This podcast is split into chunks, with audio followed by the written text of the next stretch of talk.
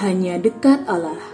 27 Mei 2021 Angin Utara. Amsal 25 ayat 23 Angin utara membawa hujan. Bicara secara rahasia muka marah. Tak mudah memahami Amsal ini.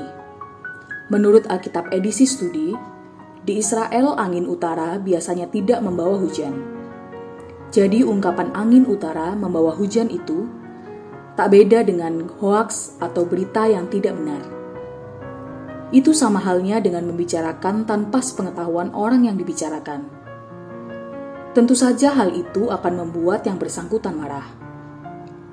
Karena itu, jalan terbaik adalah jangan membicarakan orang ketika orangnya tidak ada. Sebab yang bersangkutan tidak ada dan kita pun akhirnya tidak bisa sungguh-sungguh tahu mana yang benar. Namun, itu tidak berarti kita tidak boleh membicarakan orang lain. Jika kita memang mau membicarakan orang lain, bicarakanlah apa yang baik dari orang tersebut. Atau ketika seseorang menceritakan keburukan temannya kepada kita, kita bisa mengklarifikasinya dan mengajak dia untuk berbicara secara terbuka dengan orang tersebut. Hanya persoalannya memang di sini.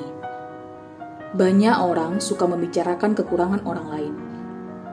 Karena dengan begitu, dia bisa memperlihatkan dengan jelas bahwa dia lebih baik dari orang tersebut. Orang kadang merasa perlu meyakinkan diri bahwa dia lebih baik dengan jalan menceritakan kekurangan sesamanya.